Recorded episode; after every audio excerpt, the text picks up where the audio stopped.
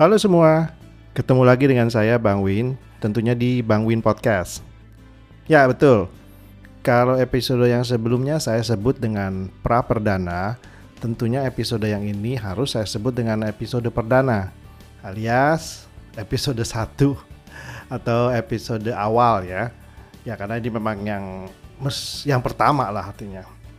Oke, sebelum saya ingin sebelumnya saya ingin mengucapkan terima kasih buat yang sudah memberikan masukan di episode pra perdana di mana di episode tersebut seperti yang kalian ketahui saya melakukan riset kecil-kecilan. Dan hasilnya ya episode perdana ini jadi bisa dimulai. Ya karena memang itu risetnya uh, untuk memastikan sih sebetulnya bagaimana saya memulai uh, podcast ini. Oke okay, pada episode perdana ini, saya ingin membahas hal-hal yang berkaitan dengan branding di dunia maya.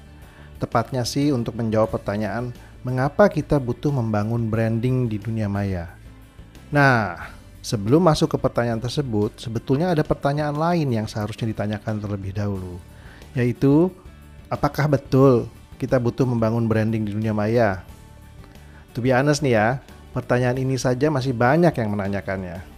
Nah, just to make it quick, jawaban saya untuk pertanyaan ini sebetulnya sangat simpel, cuman agak bertingkat. Kalau kita atau produk kita atau brand kita ingin dikenal di masyarakat, ya tentu saja brandingnya harus dibangun.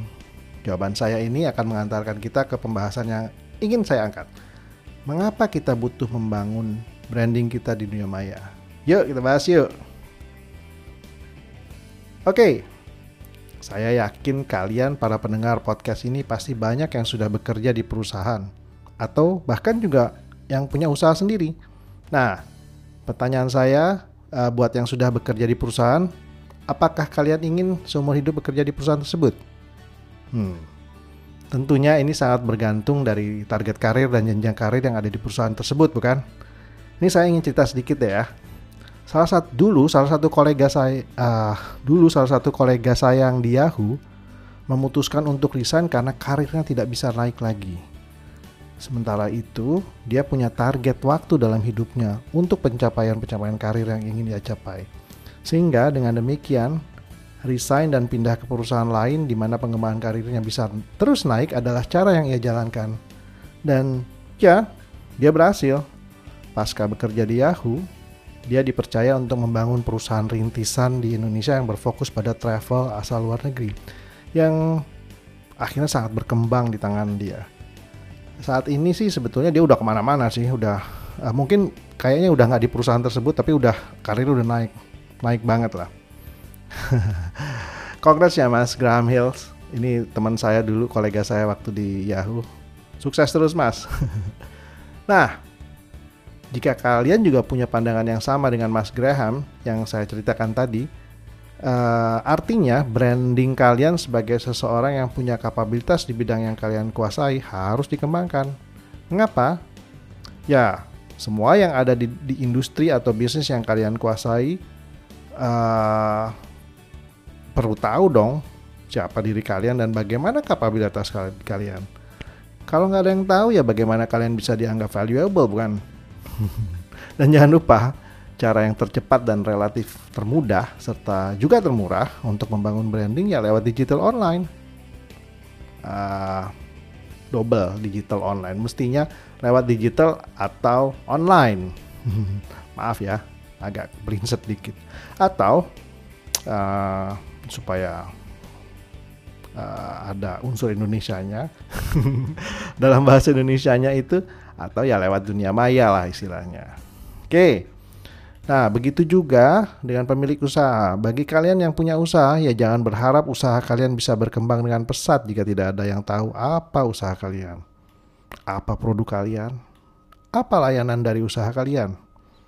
Nah, yang harus kalian lakukan ya membangun branding dari usaha kalian tersebut agar bisa diketahui oleh masyarakat luas.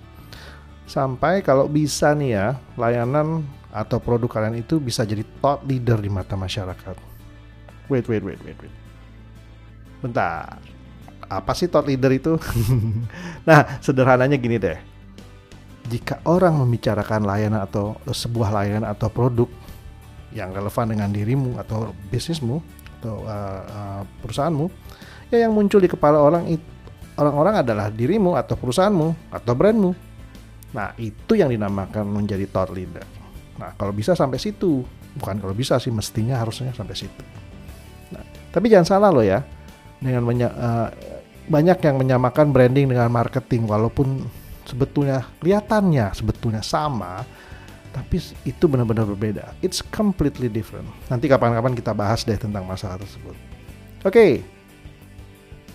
mestinya udah terjawab ya mengapa kita butuh membangun branding di dunia maya dan bahkan mengapa di dunia maya pun sudah sempat saya singgung juga.